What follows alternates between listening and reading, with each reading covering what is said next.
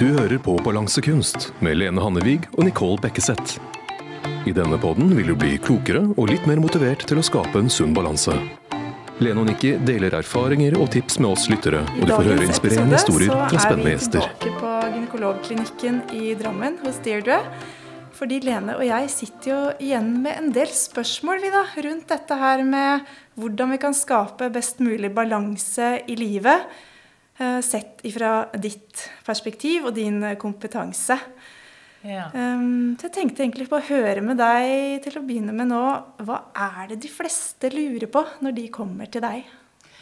Um, så klart Vi, vi dekker spørsmål eller problemstillinger gjennom hele livet til kvinner. ikke sant? Alle de forskjellige livsfaser kvinner går gjennom kan ha jenter ned i 15-16-17 års alder som kommer med spørsmål angående prevensjon. Det er et veldig stort tema i hverdagen min. Urininkontinens er et veldig stort tema. Vi, vi, får flere pasienter daglig med sånne typer problemer. Eh, menstruasjonsforstyrrelse. Og da alle de mm, ting som kan komme senere i livet, fremfall i underlivet. Eh, fremfall kan være kanskje et, et, ord som ikke så veldig mange er, er, kjent med. Da snakker man om prolaps i underlivet, som en del kvinner som kommer godt opp i årene, kan slite med. Mm. Um, så ja, det, når jeg vet at det er veldig diffust, det jeg har snakket om, men det er en vanlig hverdagsproblemstilling vi blir presentert med fra pasientene. Ja, ja. men jeg tenker eh, et liv i balanse, det er jo nettopp alle disse fasene, da. Riktig, um, så ja. kanskje jeg kan få lov til å spørre deg litt om alle disse fasene. Ja. Jeg tror jo òg at vi har uh, yngre lyttere. Uh, og det de lurer på da, er jo kanskje rundt uh, prevensjon, da. Mm -hmm. Ja. Eh, hvordan påvirker det meg? Er det farlig? Mm. Um, og ja, ja, når man blir voksen, kan, hva slags påvirkninger kan det ha hatt opp Riktig, gjennom livet? Ja, ikke sant? Så, og der, der, er du inne på noe, fordi vi får veldig mange eh, unge kvinner inn med, med, spørsmål rundt dette her, hvor de er engstelige for at de forskjellige typer prevensjon kan føre til infertilitet, f.eks. senere i livet. Og i gamle dager da, har det vært veldig negativ holdning blant f.eks. yngre kvinner og bruk av hormonspiral. Da har det vært litt sånn fy-fy. Ikke bruke spiral før du har fått de barn du skal ha. Det har vi egentlig vært ferdig med for lenge siden. Det er en gruppe kvinner som ikke tåler p-piller, minipill, p-stav, sånn systemiske eller hormoner du gir til hele kroppen. Noen tåler det veldig fint og er strålende fornøyd. Noen er veldig engstelige for å gå på østrogen. Mamma har kanskje hatt blodpropp, pasienten selv er engstelig for det. Og da er det veldig viktig å få riktig informasjon og ikke bli feilinformert i forhold til hva er riktig og ikke riktig å bruke. Så for eksempel en et perfekt eksempel er en 17 år gammel jente som har en mamma som har hatt blodpropp, og hun skal egentlig ikke få p-piller, og det er riktig. Eh, hun prøver minipiller, og hun får blødningsforstyrrelse. Hun prøver p-stav, og hun får blødningsforstyrrelse. Hormonell bivirkning. Og, og, hun har hørt fra venninnene at du må ikke finne på å bruke spiral, fordi da blir du steril. Og? Det er alle de der misinformasjonsdeler som mm. kommer frem under en konsultasjon med en pasient. Og kanskje noe er riktig, men det er veldig viktig å ha den diskusjonen og den dialog. Og finne hva er riktig prevensjon for den enkeltkvinne. Mm. Hva passer for én, trenger ikke nødvendigvis å, å passe for en annen. Ja. Og det er veldig mange historier som går rundt blant kvinner at ikke gjør det, det er veldig vondt. Du kan ikke gjøre det, det blir feil behandling. Snakke med legen din eller helsesøster eller mamma mm. eller venninne, og, og få, få, så mye informasjon du kan, så at ikke du tar et feil valg om ting. Ja, for det er jo ofte de skrekkhistoriene som blir snakka om. Ja, ja, ja Ikke sånn som det faktisk er. Eh, men apropos da, det her um, blødningsforstyrrelser osv. i forhold til menstruasjon, det er jo noe alle kvinner uh, forholder seg til, aller fleste. Mm -hmm. hva er den normale, sunne balansen der, vil du si? Syklusen vår? Kan du fortelle litt om den? Det er, det er ikke noe absolut riktig syklus å ha.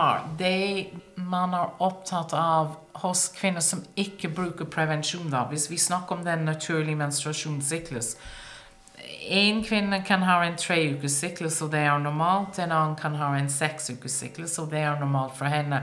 Det vi er veldig opptatt av når det gjelder menstruasjon eller blødning fra underlivet, er ting som mellomblødning, blødning som er smertefull, blødning etter samleie. Sånne type ting skal alltid undersøkes hos gynekolog.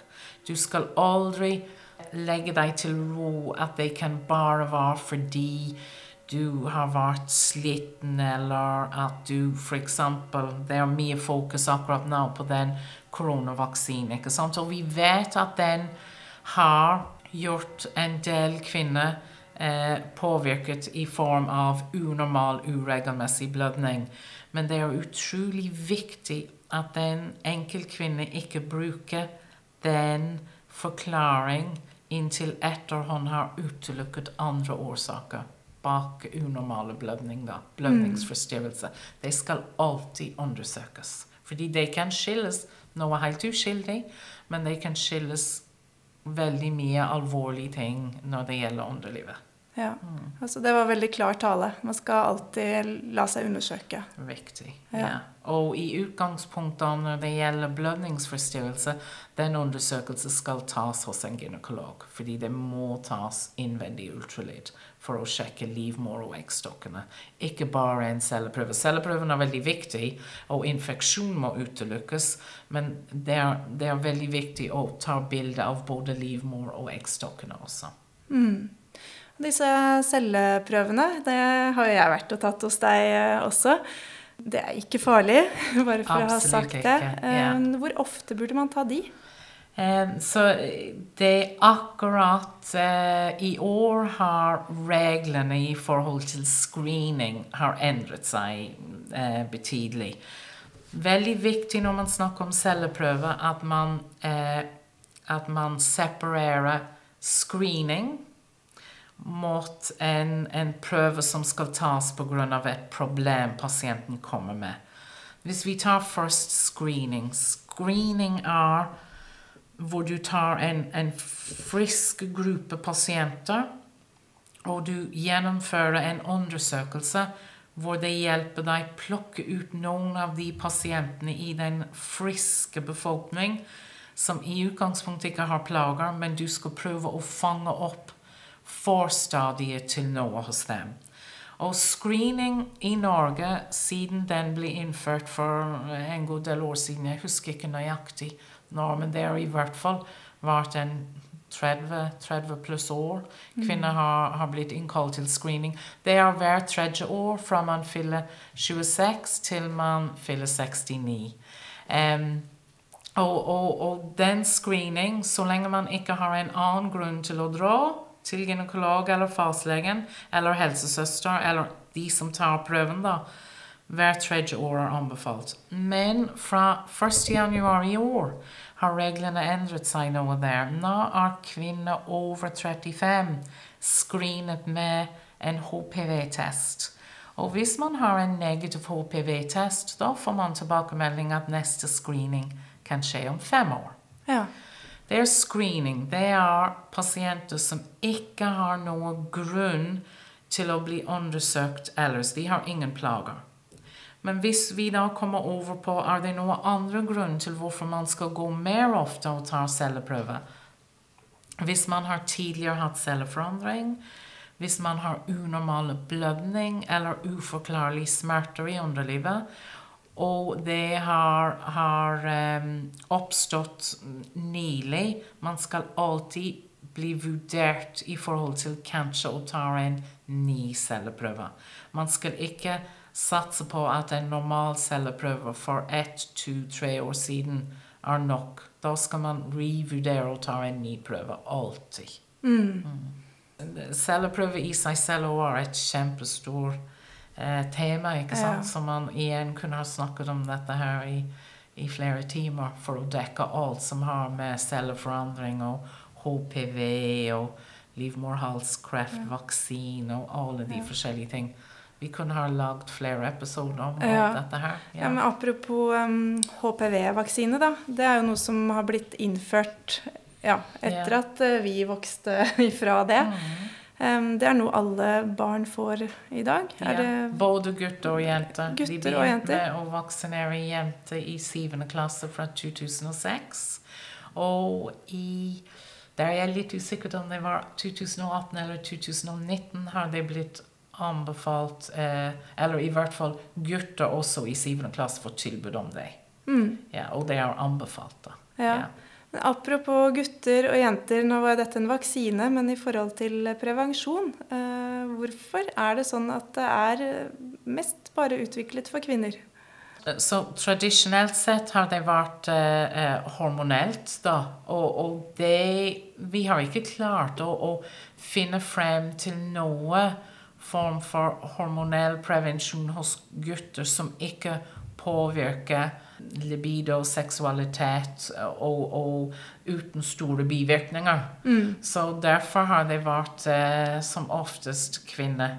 Ja. Eh, men igjen, det også har litt med dette her med at eh, hvis Så prevensjon er brukt for å unngå å bli gravid. Eh, det skal være reversibel, ikke sant? Og den personen som sitter med største konsekvens av å ikke ha brukt prevensjon og ende opp gravid, er kvinner, da. Mm. Så, så, jeg har ofte gått flere runder med meg selv og tenkt Vil jeg, hvis jeg hadde vært i et forhold hvor min partner, en mann, da, skulle ta en tablett hver dag så at ikke jeg hadde blitt uønsket gravid vet ikke helt om jeg ville ha stolt på han, da. Nei. Jeg, jeg tror det har også litt med den control-delen, ikke sant? Ja. At det er kvinner som sitter med konsekvens. Mm. Så da har de blitt kvinner. Men det er trygt med prevensjon eh, i forhold til hormoner som du tilfører kroppen osv.? Ja, så lenge igjen. Det er veldig viktig når man starter opp med prevensjon, hovedsakelig um, p-piller med den østrogendelen i p-pillen, at man selekterer ut pasientene sine. Uh, vi har forskjellige ting som gjør at man ikke nødvendigvis vil ha anbefalt østrogen. Blodproppsrisiko. Hvis man er genetisk mer utsatt for å få blodpropp, det er en enkel blodprøve som kan finne ut av det. Uh, hvis pasienten har en gen som hun har arvet, som gir henne økt risiko i forhold til brystkreft. Når vi har så mye annet å velge mellom, vil man ikke nødvendigvis ha gitt henne østrogen. ikke sant? Nei. Så selekter ut pasientene, og så lenge man følger reglene og anbefalingene, da er man trygg. Mm. Ja. Så, men man må stille spørsmål til pasientene sine, da. Ikke bare skrive ut en resept over telefonen. ikke sant? Nei. Ja. Så det, den samtalen er viktig. Mm. Ja. Ja. Eh, men når man da legger prevensjon på hylla, og kanskje planlegger å bli gravid, da, kommer ja. i den fasen i livet, hva er det de som prøver å bli gravide, eller kanskje har funnet ut at de er det, hva er det de lurer mest på? Så, så de som finner ut de er gravid, er da mm, veldig interessert i å sjekke at alt er normalt. Ja. Og da, da, tar man en innvendig Ofte, hvis det er tidlig graviditet før uke 11-12, bruker man innvendig ultralyd for å sjekke at fosteret foster eller de fostrene, hvis det er mer enn én, da. Det er ofte også veldig spennende for pasienten å finne ut hvor mange det er. Er det tvillinger? Ser alt normalt ut? Er jeg like langt på vei som jeg skal være? Og alt sånn kan man finne ut fra en innvendig ultralyd før graviditet det er ofte veldig mye fokus på dette her med å spise riktig, trene riktig, eh, ta vitamintilskudd. Og, og mm, kvinner ofte kommer før de slutter på prevensjon i forbindelse med planlegging med mange spørsmål rundt dette her. Og mm. da har det å anbefale selvfølgelig en sunn livsstil. Ja. Hvis du røyker, slutter å røyke hvis du um, snuser, snu, slutter å snuse, vær litt forsiktig med alkohol hvis du mistenker at du er tidlig gravid. Og trene, spise sunt. Ja. ja. Men uh, det er jo ikke alle som blir uh, gravide. Hva, hva, pleier du å fortelle dem da, når de prøver og prøver og ikke eh, kommer litt an på hvor, hvor, lenge man har prøvd. ikke Det, det, som ofte blir glemt også, er at gjennomsnittstid for et frisk par å oppnå graviditet, hvor begge to har alt normalt, eh, er ett og et halvt år. Og når man slenger det ut etter et halvt år, det høres egentlig ikke så lenge. Men hvis du er den kvinne som ikke blir gravid, og alle venninnene blir gravid, og den mensen kommer hver måned, da kommer den stressmomentet inn i bildet. Mm. Så det er veldig viktig å ha forståelse for at hun er engstelig. Undersøke henne. Sjekke at alt er som det skal være. Ikke glemme at det er to involvert i det. Så kanskje ja. Vi undersøker ikke partneren, men vi kan veilede han i forhold til hvordan han kan få tatt en sædanalyse. Mm.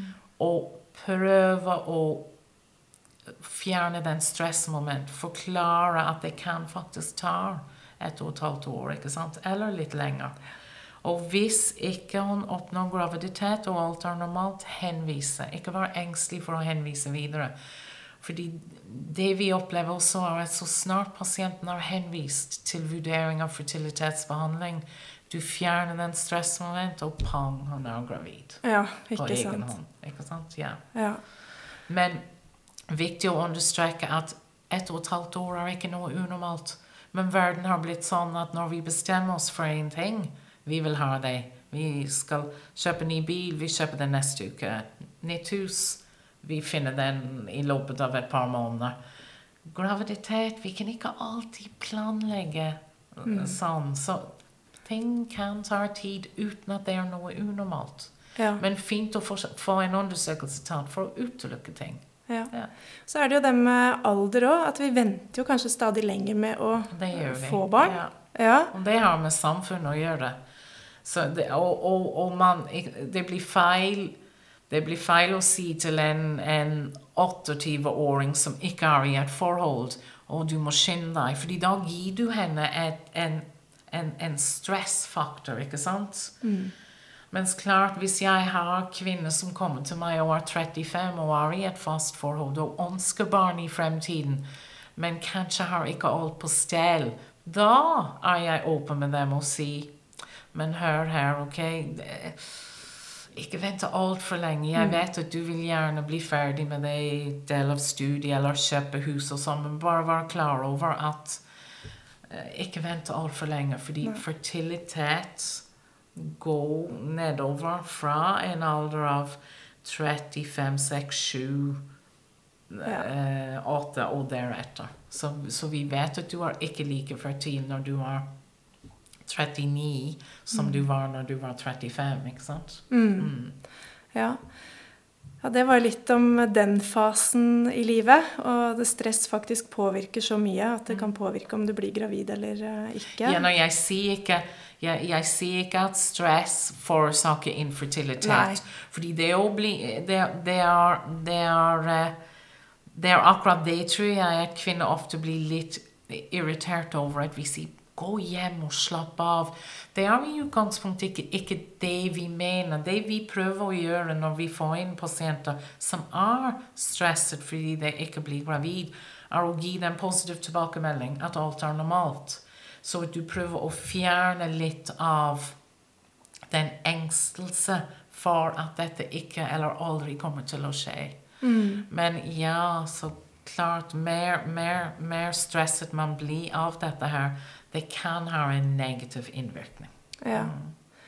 Og dette var veldig spennende. Um, jeg lurer på én ting til, da. Uh, og dette er jo med pH-balanse. Er ikke det mm. også noe som alle kvinner uh, egentlig forholder seg til, men som kanskje ikke vi vet så veldig mye om? Ja, i, ja, i nå, nå, snakker du om pH-balanse i skjeden? I, i skjeden, ja. I, i underlivet. Ja. Det, hvordan kan vi best mulig sørge for å ha en sunn balanse også der? Og, ikke røre skjeden med alle de produktene vi bruker. Det, det er egentlig det. Um, igjen, tenk tilbake 50, 100, 500 år. Uh, den her fenomen med å dusje hver dag, og dusje før sex og dusje etter sex og, og den, Vi har blitt veldig renslige i hvordan vi er.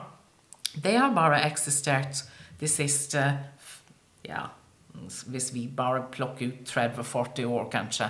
Eh, vår bestemødrene fikk eh, vasket seg en gang i uken. Og de hadde ikke noe underlivsplager, no, i hvert fall noe mer enn oss, tror vi. Mm. Eh, jeg, jeg, kan ikke si med sikkerhet, men vi tror det. Til og med fra jeg studerte medisin, så det var i eh, ja, hva var det, i slutten av 80-tallet, begynnelsen av 90-tallet. Den problem med ubalanse i skjeden er relativt nytt. Vi får inn mange flere unge kvinner nå med svi og klø og utflå og vondt med samleie. Og det kan noen ganger skyldes en infeksjon eller, eller noe annet, men som oftest er det bruk av mye produkter og overvasking som får mm. kvinner inn i den vonde sirkelen. Så klart, igjen, det er viktig å utelukke andre ting, men da er vi gynekologer veldig på å ikke bruke såpe i underlivet. Dette er litt morsomt. Jeg ofte stiller det spørsmål til unge, unge kvinner. Og jeg sier bruk, 'Vasker du deg med såpe?' Nei, det gjør jeg ikke. Jeg bruker Asan. Og jeg sier til dem jo, men det er såpe. Jo, jo, men det er underlivssåpe. Ja, ok, jeg bruker den. Hvor ofte vasker du deg? Om morgenen, etter trening og etter sex. Bruker du den Asan hver gang? Ja. Og da er hun hos meg fordi hun har et kronisk problem med mm, ubalanse eller en, en unormal pH-verdi, mm. som har skapt veldig mange forskjellige problemer for henne. Og når man bare fjerner bruk av den såpen i løpet av en to-tre måneder, har alt løst seg. Mm, bare skylle med vann? Ja, så skjeden er selvrensende. Ja. Den inneholder like mye, hvis ikke mer, bakterier enn tarmsystemet. Det er en grunn til hvorfor de bakteriene er der. De beskytter oss. Det er gjennomgang fra eh, skjedens åpning inn i bukhulen. Ellers kunne sperm ikke ha svømt oppover. Mm. Ikke sant? Så det er åpen hele veien opp. Hva er det som gjør at bakterier ikke kommer opp og inn i livmoren og ut i egglederne? Det er fordi skjeden har sine bakterier som er der for å beskytte oss. Og de lever sammen med litt sopp alle de forskjellige bakterier de lever synergistisk i en balanse. Og så snart man begynner å vaske dem bort, da skjer det ting. Da kommer den her endring i pH-verdi, mm. svie, klø og ja. ubehag. Ja. Så da blir det en ubalanse, og det vil vi ikke ha. Nei. Nei. Så helst vann. Helst vann. Ja. Nei, men tusen takk, eh, Deirdre. Jeg lurte på sånn avslutningsvis eh, Neste gang man skal opp i den eh, stolen hos deg, har du noen tips til hvordan kan man slappe av? Noe du pleier å fortelle pasientene dine når du ser at de er litt anspent? Ja, ja det, det, det, jeg på en måte prøver å si til kvinner, er at det, det de må òg huske på, er at ikke sant, det er en veldig unormal situasjon for dem å, å kle av seg og opp i stolen.